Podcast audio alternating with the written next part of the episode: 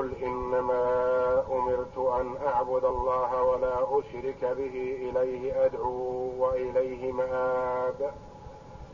وكذلك أنزلناه حكما عربيا ولئن اتبعت أهواءهم بعدما جاءك من العلم بعدما جاءك من العلم ما لك من الله من ولي ولا واق.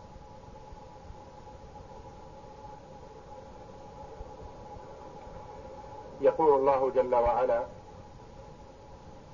والذين آتيناهم الكتاب يفرحون بما أنزل إليك.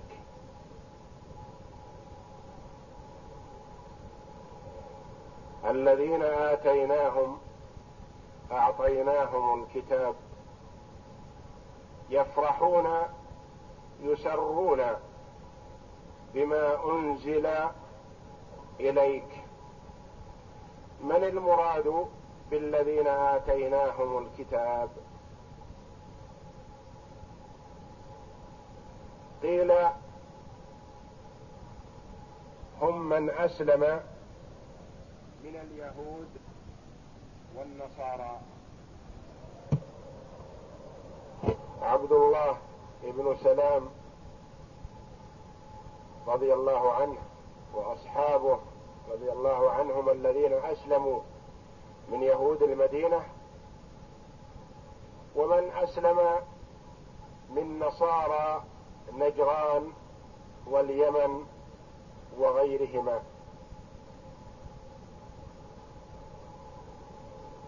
إذا نزل على محمد صلى الله عليه وسلم آيات القرآن سروا بذلك سرورا عظيما لأنها تطابق وتوافق ما عندهم في كتبهم في التوراة والإنجيل.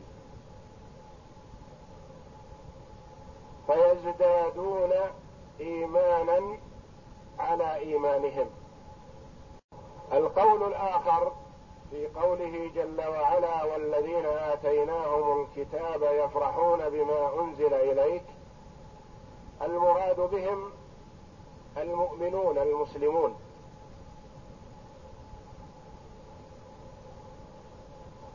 فالكفار ينكرون ما ينزل على محمد صلى الله عليه وسلم والمسلمون إذا نزل على محمد صلى الله عليه وسلم آيات التشريع سروا بذلك وفرحوا.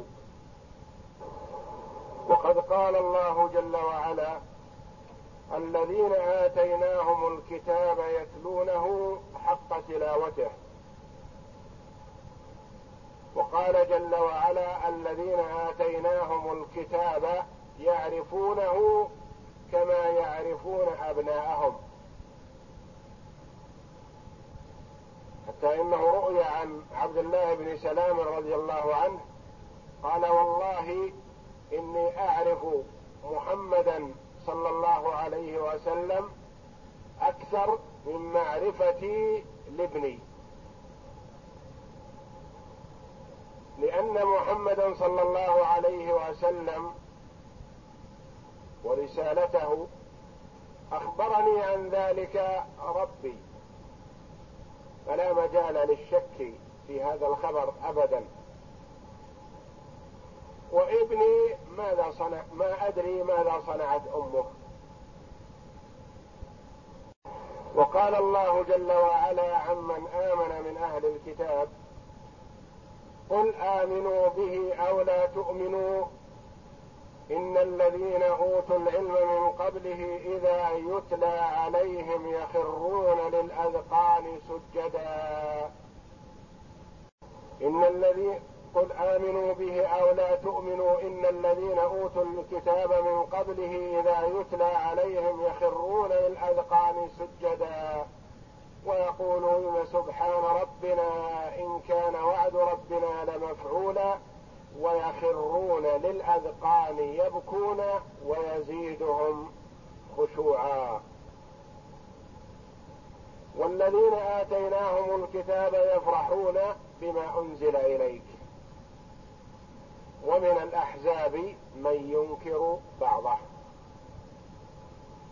الأحزاب المتحزبة المتعاونة على عداوة محمد صلى الله عليه وسلم. ينكرون بعضه. وإن كان كله حق وصدق. فهم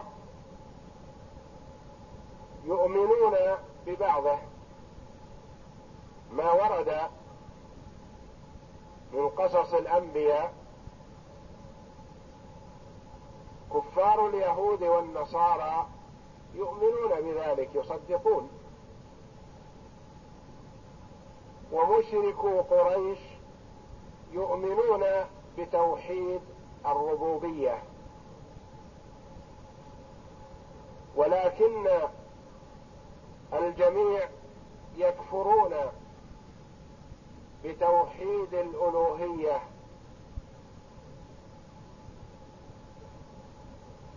ويكفرون بما لا يوافق هواهم من التشريع والأحكام.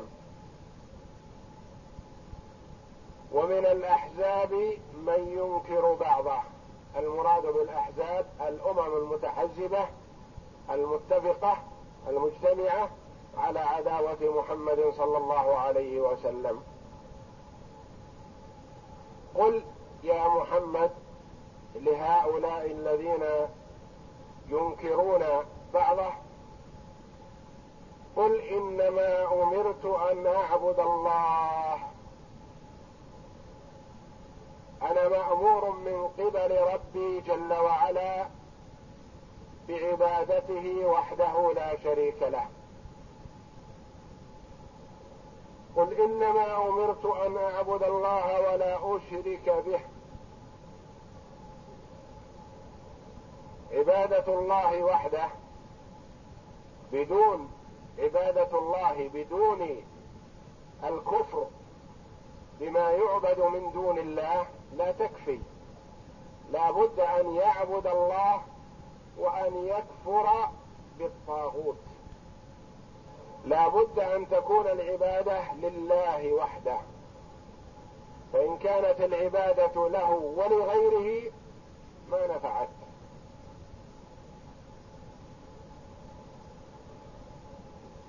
والشرك محبط للعمل كله. حتى وإن عمل العبد اعمالا لوجه الله جل وعلا. لكنه عمل بعدها اعمالا لغير الله. عبد مع الله غيره حبط عمله الأول كله.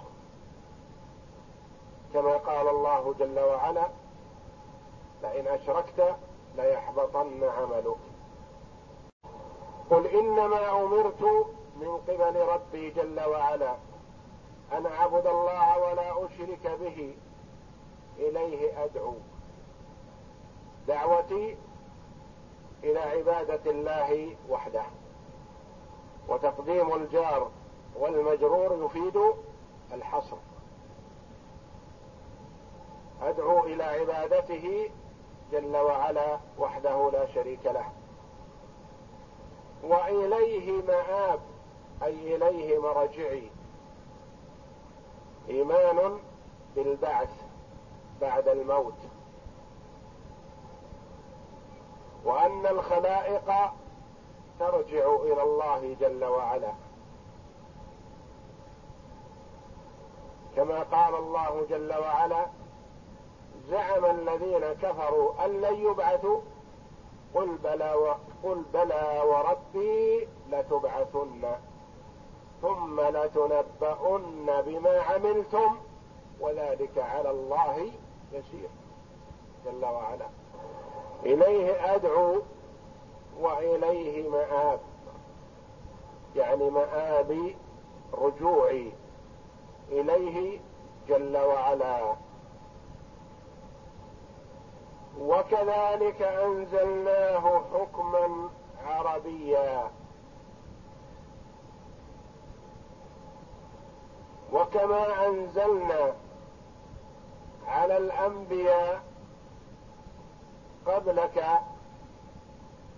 كتبا بلغتهم ولسانهم.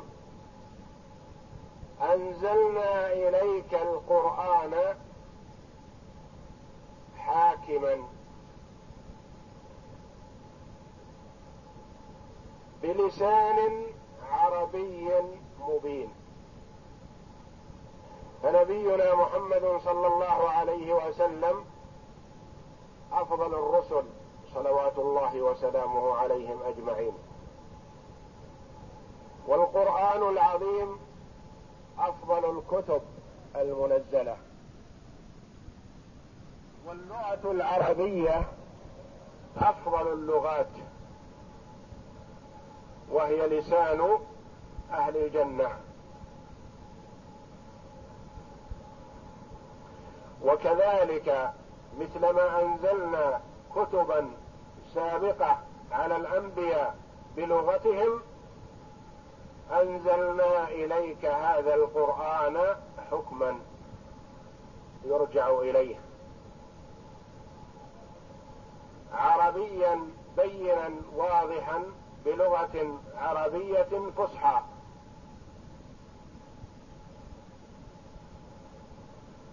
حكما يتحاكم إليه.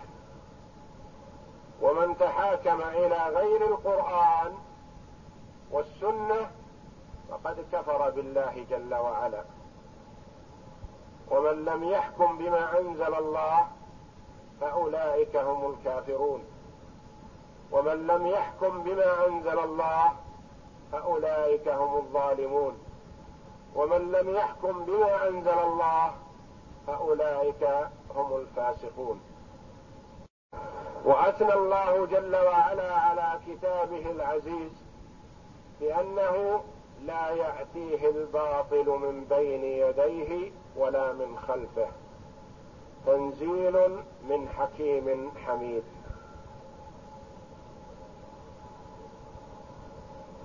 وأثنى جل وعلا عليه بقوله ولو كان من عند غير الله لوجدوا فيه اختلافا كثيرا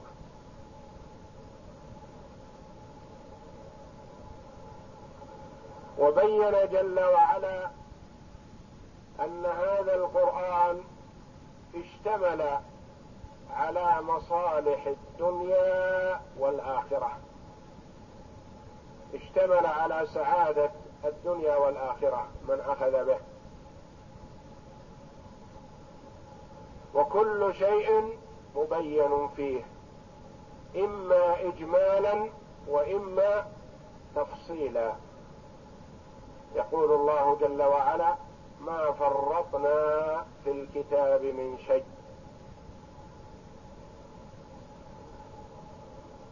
وفضله على سائر الكتب السابقة بأن حفظه.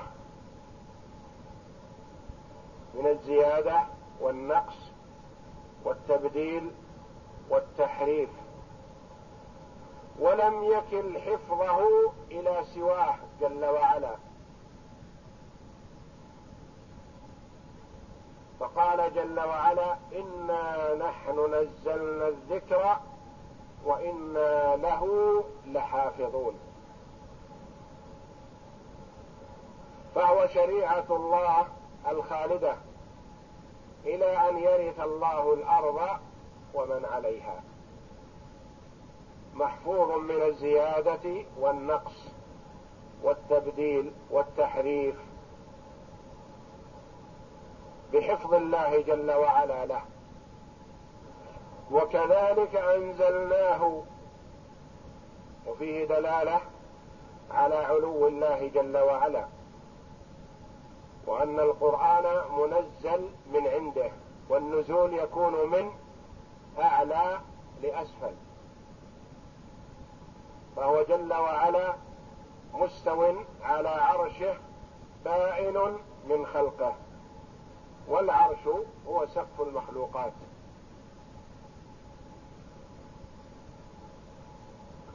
ولئن اتبعت أهواءهم بعدما جاءك من العلم ما لك من الله من ولي ولا واق.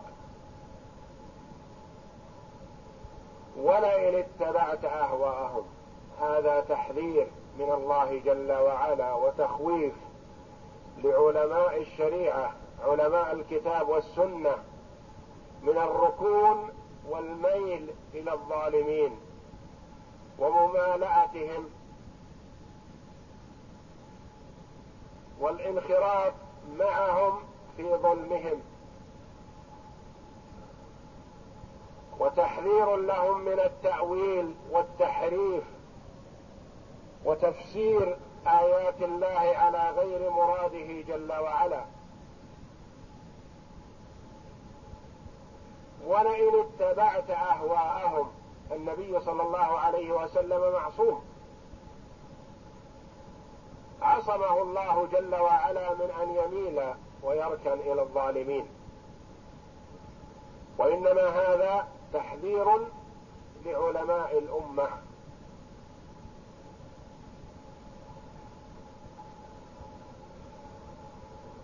تحذير لعلماء الأمة من الركون والميل إلى الظالمين. ولئن اتبعت أهواءهم أهواء الظالمين والمشركين ودعاة الضلال بعدما جاءك من العلم بعدما عرفت وتبين لك الأمر ما لك من الله من ولي. لا أحد يستطيع أن يتولى أمرك دون الله. فلا ينفعك أحد. ولا يعزك إذا أذلك الله. ولا واق يقيك من العذاب من عذاب الله. وإن أعطوك ورفعوا شأنك قليلا فلا بد أن تنفضح. إذا ملت إليهم ولئن اتبعت أهواءهم كثيرا ما يأتي الخطاب للنبي صلى الله عليه وسلم في القرآن والمراد أمته. لأنه عليه الصلاة والسلام عصمه الله جل وعلا من الميل إلى الظالمين أو الكفار. ومع أنه معصوم فلا يميل فيقوى قلبه عليه الصلاة والسلام بأمر الله جل وعلا ونهيه. قيل في سبب نزولها أن الكفار قالوا للنبي صلى الله عليه وسلم تعبد معنا آلهتنا سنة ونعبد إلهك سنة. وطلبوا منه عليه الصلاة والسلام الميل إليهم قليلا ليتبعوه. وهو عليه الصلاة والسلام لا يميل إلى الظالمين بعصمة الله جل وعلا له. ولئن اتبعت أهواءهم ما يريدونه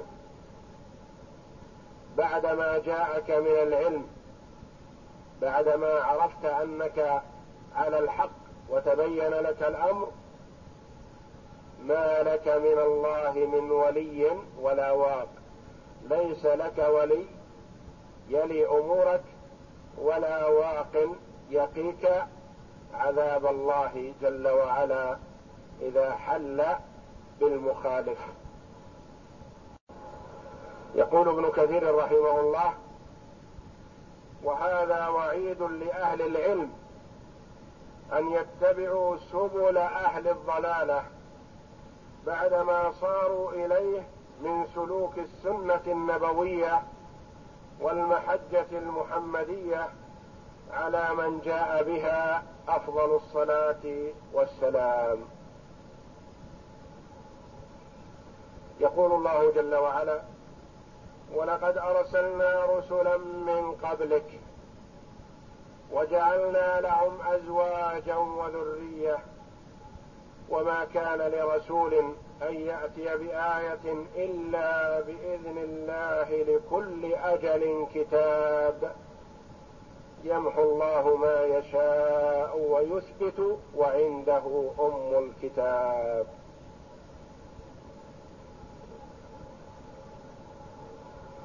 ولقد أرسلنا رسلا من قبلك وجعلنا لهم ازواجا وذرية.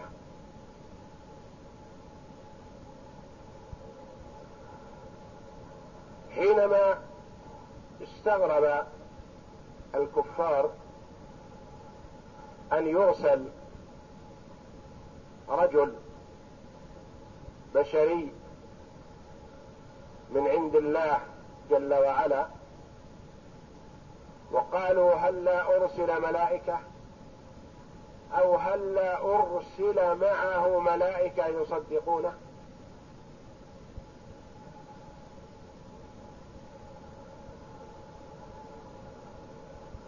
وقال بعضهم لبعض لو كان حقا رسول من عند الله ما ركن إلى ملذات الدنيا ابدا.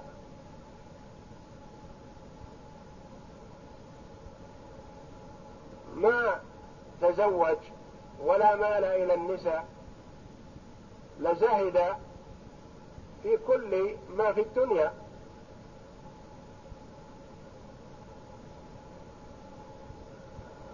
فالرجل يتزوج ويميل إلى الملذات. هذا ليس رسول من عند الله كما يزعم. فرد الله جل وعلا عليهم قائلا ولقد أرسلنا رسلا من قبلك وجعلنا لهم ازواجا وذرية. يعترفون ببعض الأنبياء السابقين. وكان سليمان على نبينا وعليه أفضل الصلاة والسلام له ثلاثمائة زوجة حرة وسبعمائة أمة كما رؤي وكان لداود والد سليمان على نبينا وعليهم الصلاة والسلام مئة امرأة زوجة.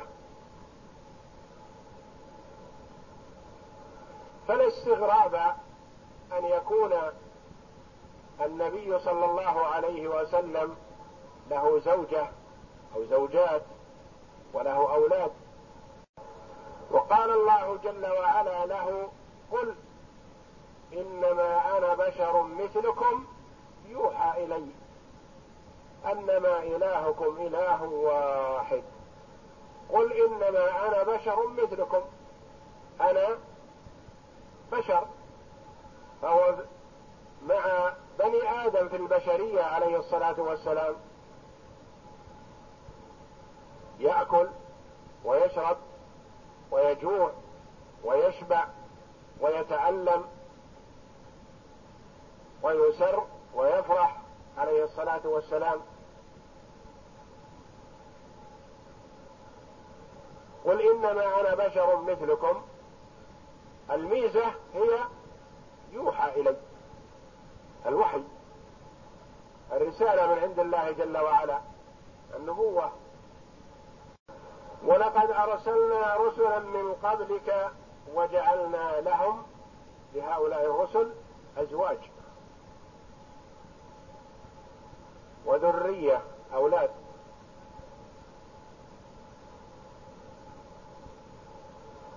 فلا استغراب في أن يكون الرسول عليه الصلاة والسلام له زوجات فهو رسول من عند الله وهو أفضل الرسل صلوات الله وسلامه عليهم أجمعين.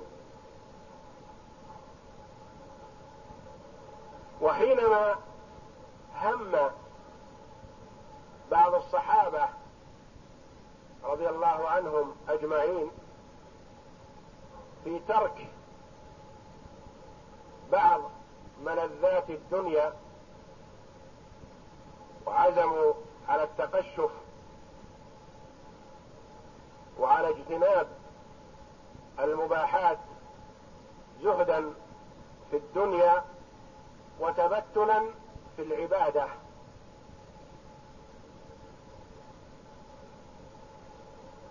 وقد جاء بعضهم إلى بعض بيوت النبي صلى الله عليه وسلم يسألون عن عبادة الرسول صلى الله عليه وسلم وعن عمله في السر. فكأنهم رضي الله عنهم من شدة اجتهادهم في العبادة استقلوا عمل النبي صلى الله عليه وسلم وعبادته في السر. وقال بعضهم أما أنا فأصوم ولا أفطر. وقال الآخر أما أنا أصلي الليل فلا أرقد. وقال الآخر أما أنا فأعتزل النساء.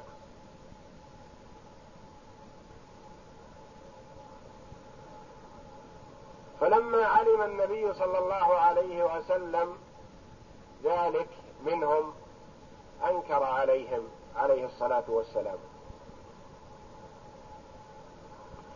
وخطب الناس قائلا أما أنا فأصوم وأفطر وأقوم وأنام وآكل اللحم وأتزوج النساء فمن رغب عن سنتي فليس مني.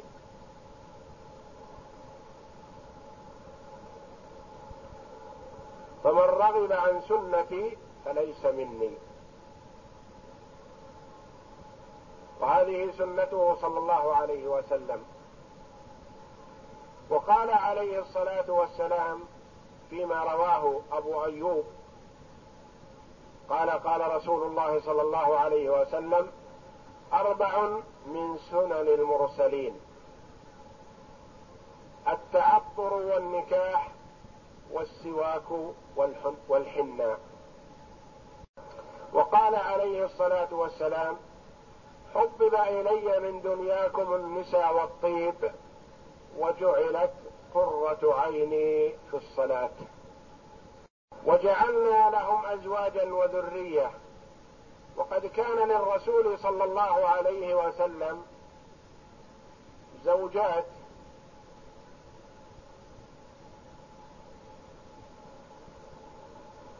وتزوج كما يتزوج غيره صلى الله عليه وسلم. وكانت معه خديجة وحدها رضي الله عنها وأرضاها. تزوجها وهو ابن خمس وعشرين سنة وهي لها أربعون سنة. ولم يتزوج غيرها في حال حياتها حتى توفاها الله. فتزوج عليه الصلاة والسلام وكل زوجاته ثيبات ما عدا عائشة رضي الله عنها فهي الوحيدة التي تزوجها بكرا